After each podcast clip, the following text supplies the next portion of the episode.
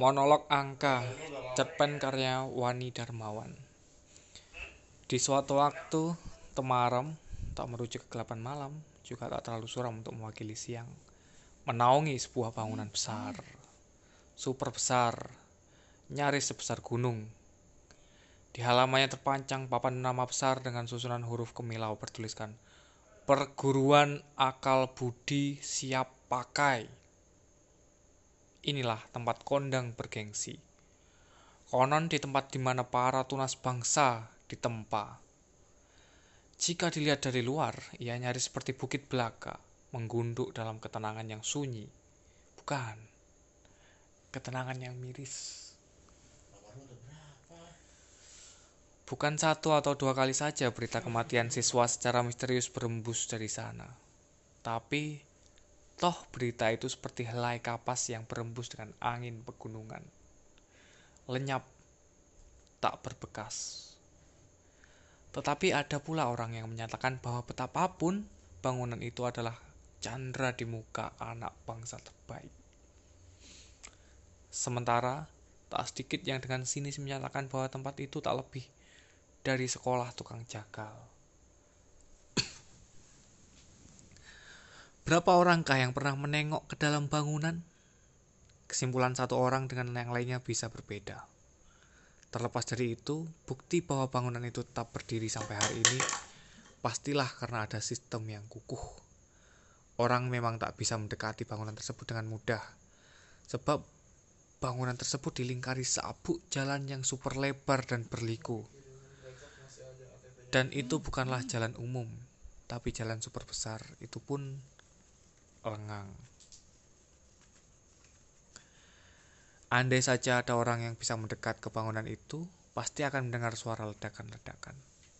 Suara-suara itu sering terdengar dari dalam sana. Ledakan apakah itu? Bukan. Itu bukan suara mercon, apalagi pistol. Itu adalah suara ledakan ujung cambuk yang membelah udara. Suara yang ditimbulkan getas yang gerigisi Suara cambuk itu dihasilkan oleh tangan seseorang yang di lingkungan itu disebut sebagai sang penentu. Siapakah dia? Woi, jangan jadi orang kampungan. Terdengar orang yang bersangkutan, bersangkutan melontarkan suaranya. Kalian di sini dididik secara intelek. Jangan jadi orang kasar macam orang jalanan saja. Woi kamu, kamu siapa? Memangnya gampang ngurus tunas bangsa seperti kalian? Kita dibayar dengan uang rakyat. Kita harus mengembalikannya dengan bentuk keberhasilan cita-cita kalian. Ngerti enggak? Di ruangan itu tak ada seorang pun kecuali tokoh bercambuk itu. Di ruangan tak ada seorang pun kecuali tokoh bercambuk itu. Lalu bicara dengan siapakah dia? Orang ini mengenakan busana safari, sebagaimana gambaran para pemburu, para pemburu di film-film Hollywood, atau seperti busana yang dikenakan Bob Brault dari Bird Wild Farm Australia, atau almarhum Steve Irwin, pengelola Australia Zoo di Berwah, Queensland. Di tangannya terpegang cambuk kulit yang jika terjulur ke udara, panjangnya bisa mencapai 3 meter. Setelah meledakkan ujung cambuknya ke udara, tokoh bercambuk tersebut mencantelkan cambuknya di seluruh di sebuah capstock. Dia berdiri, menarik nafas dalam-dalam, dan menyapu ruangan itu dengan pandangannya. Dia lalu berjalan menuju kursinya. Di meja depannya ada sebuah papan nama bertuliskan Profesor Dr. Didik ST SE SOS SH SKOM SS SSN PHD SAP S STAT MT MSM MKN, RFPI, CPBD, CPPM, CFP, CFP, AFF, WM, BKP, QWP. Entah gelar apa saja yang merumbai-rumbai di belakang namanya tersebut. Yang jelas kalau melihat penampilannya, gelar itu tidak cocok. Penampilannya kurang sempurna sebagai akademisi. Dia malah menyerupai pawang Jangan-jangan dia memang pawang. Pawang didik. Ah, tak ada bukan gelar seperti itu. Kita sebut orang ini sebagai tokoh bercambuk sajalah. Ruangan itu sebenarnya sama sekali tidak tampak seperti tempat akademik maupun lembaga edukasi, meski dipenuhi buku-buku dan laptop. Abu dan puntung rokok bertebaran Botol-botol minuman beralkohol kosong maupun setengah isi berkelimpangan di sana sini. Di antara panorama tersebut yang paling menonjol justru serangkaian puzzle yang terbuat dari dus-dus berukuran besar. Terserak memenuhi lantai sehingga gambar keseluruhannya tak terlihat dengan jelas meski sebagian sudah tertata. Tokoh bercambuk tampak lelah. Dia duduk di sebuah kursi dia lalu mengucek matanya yang memang kuyu dengan lengkung hitam yang di kantung mata yang seolah-olah menjadi pertanda bahwa yang bersangkutan sudah berabad-abad tak memejam dalam tidur. Dia menggumam gundah. Banyak orang tidak tahu betapa sibuknya kami. Ya, kami. Pawang didik yang diserai tugas untuk membuat kurikulum orang-orang yang terdidik untuk bisa menggerakkan masa menjadi gelombang yang siap menerjang kehidupan. Mereka, orang-orang banyak, para intelektual bebas itu cuma bisa mengkritik. Mereka sungguh tidak mengerti dunia pendidikan yang sungguhnya. Dunia pendidikan itu tidak hanya berhadapan dengan manusia, tetapi juga dengan angka-angka. Jangan dibalik Generasi ini harus diperlakukan sebagai angka, tidak manusiawi. Kata siapa? Tengok zona pendidikan di kuil Shaolin. Seorang anak lima tahun dipaksa mengangkangkan kaki, split, demi kesempurnaan bentuk tendangan. Si bocah sampai meringis-ringis bahkan menangis. Tidak manusiawi. Lebih tidak manusiawi mana daripada kelak ketika dewasa, mereka tak mampu menghadapi kejamnya kehidupan. Manusiawi yang mana? Manusiawi dari Hong Kong. Dan memangnya ukuran man manusianya itu manusia kapan? Zaman bahala, purba, megalitikum, Pithecanthropus erectus. Mikir. Sampai saat gerundelan itu menjelma menolak tetap tak ada orang lain di ruangan itu. Untuk memulai semuanya, ukuran dan data statistik menjadi catatan penting. Ibarat sensus, matrikulasi, silabus, jumlah jam per minggu, dan kurikulum mesti pasti supaya tidak meleset ketika diterapkan terhadap peserta didik. Memangnya gampang menerima tanggung jawab sebagai pawang didik di negeri koprol ini? Bukan hanya binatang yang butuh pawang, para tunas bangsa apalagi. Tokoh kita kini berdiri memandangi puzzle yang terberserak di sekelilingnya. Menghela nafas, kemudian mendekati potongan puzzle yang tergeletak di suatu sudut. Memungkutnya dan berusaha menatanya sambil bicara. Sebenarnya menata semua puzzle ini tidak susah. Di luar pencocokan gambar, sebenarnya saya menjadi mau menandai dengan angka-angka di belakangnya. Hehehe. Hmm, orang sering, sering salah dengan semua ini. Angka-angka ini sangat penting dalam penataan kurikulum. Jumlah jam dengan angka, urutan dengan angka, hasil penilaian dengan angka, hitungan murid juga dengan angka. Tidak mungkin tidak menggunakan angka.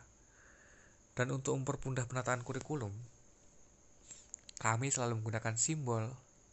Ini penting untuk mendisiplinkan. Dan tokoh kita menghela nafas sambil menimbang puzzle di tangannya. Inilah selingan saya saat otak penuh dengan kurikulum pendidikan. Permainan puzzle ini meringankan saya. Ada pengamat psikologi yang mengatakan pada saya bahwa puzzle yang sudah terbentuk sebaiknya dihancurkan kembali. Kenapa? Pendidikan itu tidak boleh masif, tidak boleh hanya repetitif, sehingga menimbulkan kemacetan atau stagnasi. Maka dia mengharapkan saya berani menantang diri saya sendiri untuk selalu menghancurkan menata kembali, menghancurkan, menata kembali, menghancurkan, lalu menata kembali. Supaya saya selalu tertantang dalam pembaruan-pembaruan. Karenanya, mereka yang tinggal di sini terpaksa betah. Hihihi. Terdiam sejenak dan tiba-tiba suara hihinya terdengar kembali. Kali ini dengan resonansi yang aneh. Seperti suara perempuan di puncak pohon kelapa pada malam keramat dan tokoh bercambuk ternyata takjub sendiri dengan kalimatnya yang tak selesai itu. Hihinya hilang, berganti haha yang membahana. Tawanya terbahak, tetapi penuh desis oleh riak ludah kental yang menghuni kerongkongannya. Kemudian tiba-tiba dalam kemudian tiba-tiba diam dan mengasyiki puzzle mainannya. Kelamaan Gambar puzzle itu semakin jelas meski belum selesai semuanya. Yakni bendera merah putih yang berkibar. Di bawah gambar itu ada tulisan yang belum selesai. Ing Madyo Mangunkar. Mendadak tokoh itu membanting sebuah puzzle. Tai kucing persetan dengan Arthur Combs, David Cobb, Honey, Mumford, Habermas, Habermaslow, fuck Ransom Rogers, Tria Karya. Tidak usah mengajari bagaimana saya mendidik tunas bangsa itu. Menyusun puzzle dan menghancurkannya kembali. Omong kosong. Jangan persulit diri sendiri. Pendidikan harus dipakukan. Bentuklah manusia-manusia setangkas mesin dan seperti sepasti matematika. Dia terus berbicara tak jelas sambil memunguti potongan puzzle lainnya dan melihat dinding belakangnya, lantas membantingnya kembali. Dia seperti sedang mencari gambar yang yang pas untuk jodoh puzzle berikutnya, tapi tak juga nemu. Dia lakukan berulang-ulang sambil meneruskan senewannya dengan nada jengkel. Sebagai pendidik, kita harus membuat sistemnya menjadi mudah demi gampangnya peserta didik di masa depan. Contohnya ini, Tokoh kita mengambil berkas di mejanya. Ini adalah hasil penataan ulang spektrum keahlian pendidikan menengah kejuruan dan kurikulum sekolah menengah kejuruan yang sudah dibakukan. Nah, struktur penataan spektrum ini berdasarkan KIKD, sementara materi ajarnya diletakkan dalam B1, B2, B3, dan aplikasinya sebagaimana yang tertera dalam P1, P2 sesuai dengan acar-acar C1. Semua itu supaya bisa diakses Duda, Dudi. Tiba-tiba sekolah, tiba-tiba tokoh bercambuk berlari menuju keranjang sampah di sudut ruangan. Terdengar suaranya muntah, tapi tak setetes cairan pun keluar dari sana. Gila, kalau orang mengira bahwa saya juga paham singkatan-singkatan itu. Dikira semua orang paham dengan singkatan-singkatan ini. Celakanya, meski tak ada yang mengerti, tetap saja singkatan-singkatan itu digunakan. Gila, dasar negeri singkatan. Sing sing bing bing singkat singkat bikin bingung. Lalu kenapa saya melakukannya juga? Hah, memang saya tinggal di mana?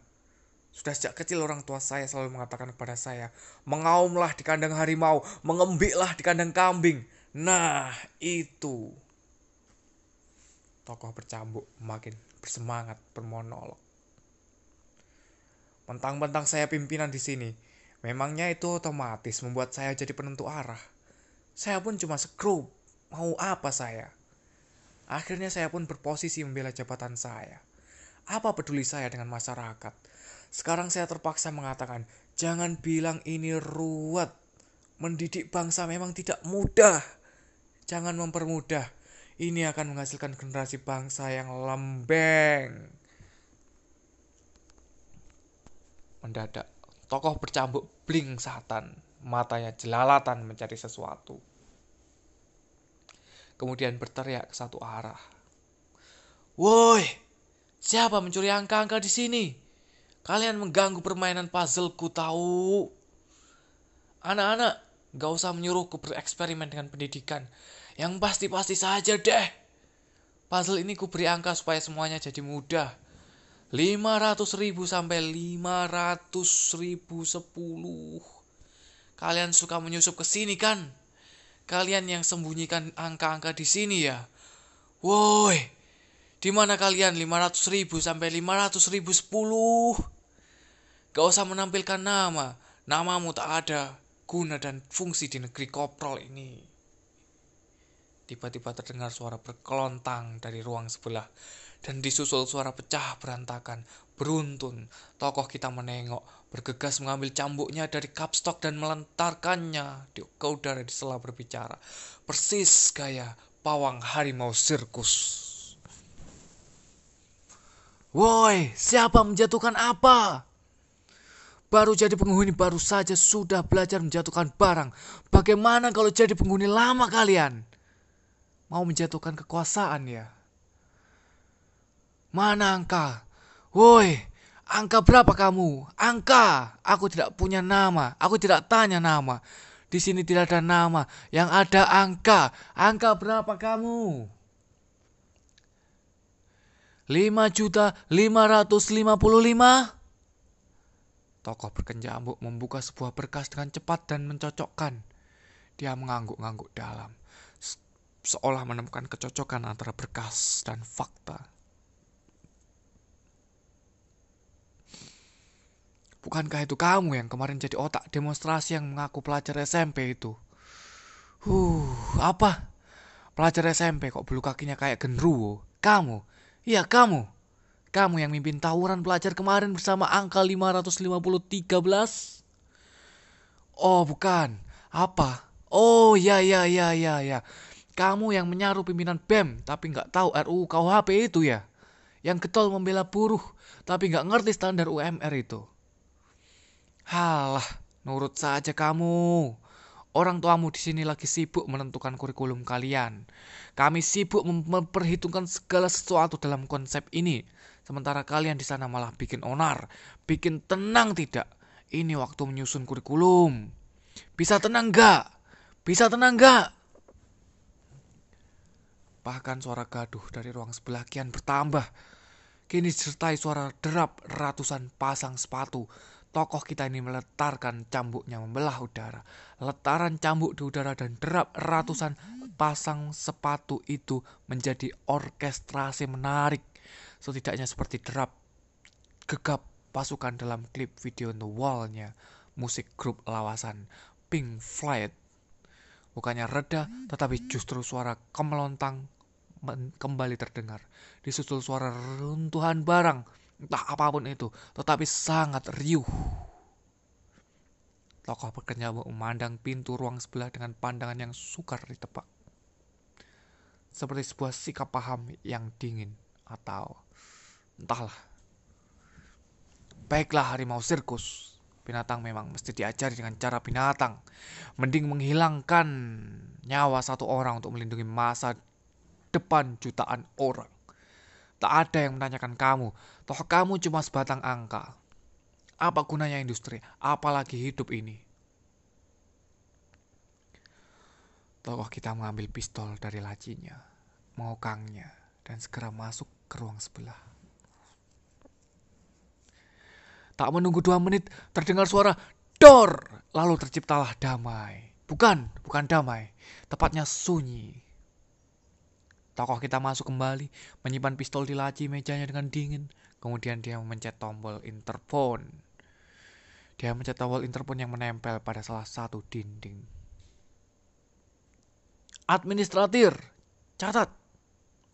7.561.000 tidak pernah ada. Masukkan dalam sistem KNKT DO tewas karena penyakit sampar. Pengurangan angka ini penting untuk menghitung kembali jumlah jam yang ditentukan dalam kurikulum untuk mengajar. Satu guru mengajar 50 angka, dengan satu guru mengajar 15 angka sudah beda lagi. Dan ini mempengaruhi sistem administrasi. Serta saya tidak suka ini membuat defisit. Bangsat. Bangsatlah kalian. Dasar angka-angka. Dikiranya tidak terkait pada data ekonomi dan inflasi. Meletarkan cambuknya kembali ke udara melemparkan cambuk begitu saja mencopot sebuah badge angka dari dadanya dan meletakkannya di sebuah meja saya kira hari-hari perubahan masih panjang. Apa peduli saya? Toh sebentar lagi saya pensiun. Semua orang berhak menyelamatkan hidupnya sendiri. Ibarat bunglon, di kekuasaan mana saya bertengger, saya akan menjelma serupa. Hmm, lelah saya. Dan puzzle education game ini lama-lama tidak menarik lagi. Terkadang saya menyesal kenapa dulu saya tidak meneruskan usaha rawan setan saya sama-sama ngurusi angka, lebih jelas peruntungannya. Bandung, Kendal, Jogja, 2016-2019. Wani Darmawan. Wani Darmawan adalah aktor dan penulis kelahiran Yogyakarta berkreasi sejak 1985 hingga kini. Tahun lalu, menerbitkan buku lakon Luka-Luka yang Terluka. Jejak perkembangan lakon yang juga diterjemahkan dalam bahasa Inggris.